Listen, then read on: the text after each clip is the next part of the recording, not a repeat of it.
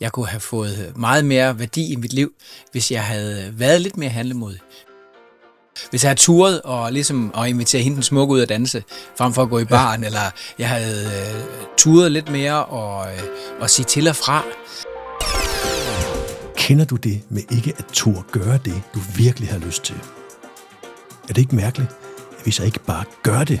Og jeg mærker, at der er rigtig mange, der har den der ligesom en, en tanke om, at, der, at de andre, de tør. mm-hmm.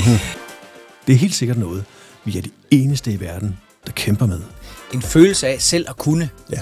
Det, det må være det modsatte, Ja. ikke? Papir, papir, det er ligesom et, et, ligesom et øh, ydre dokumentation på, der er nogen, der siger, at du kan det her. Ja. Og du har endda fået 8,9 i karakter. Jo, jo.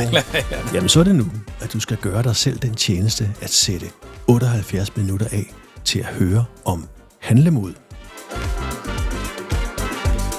Og her kommer Peter Madsen med endnu en bemærkning, der er værd at lytte til. Og, og ligger der arbejde i det der med, at, at du, du er, rører du god nok, lige meget om du lykkes med den handling eller ikke lykkes, Ja. så, så er du god nok.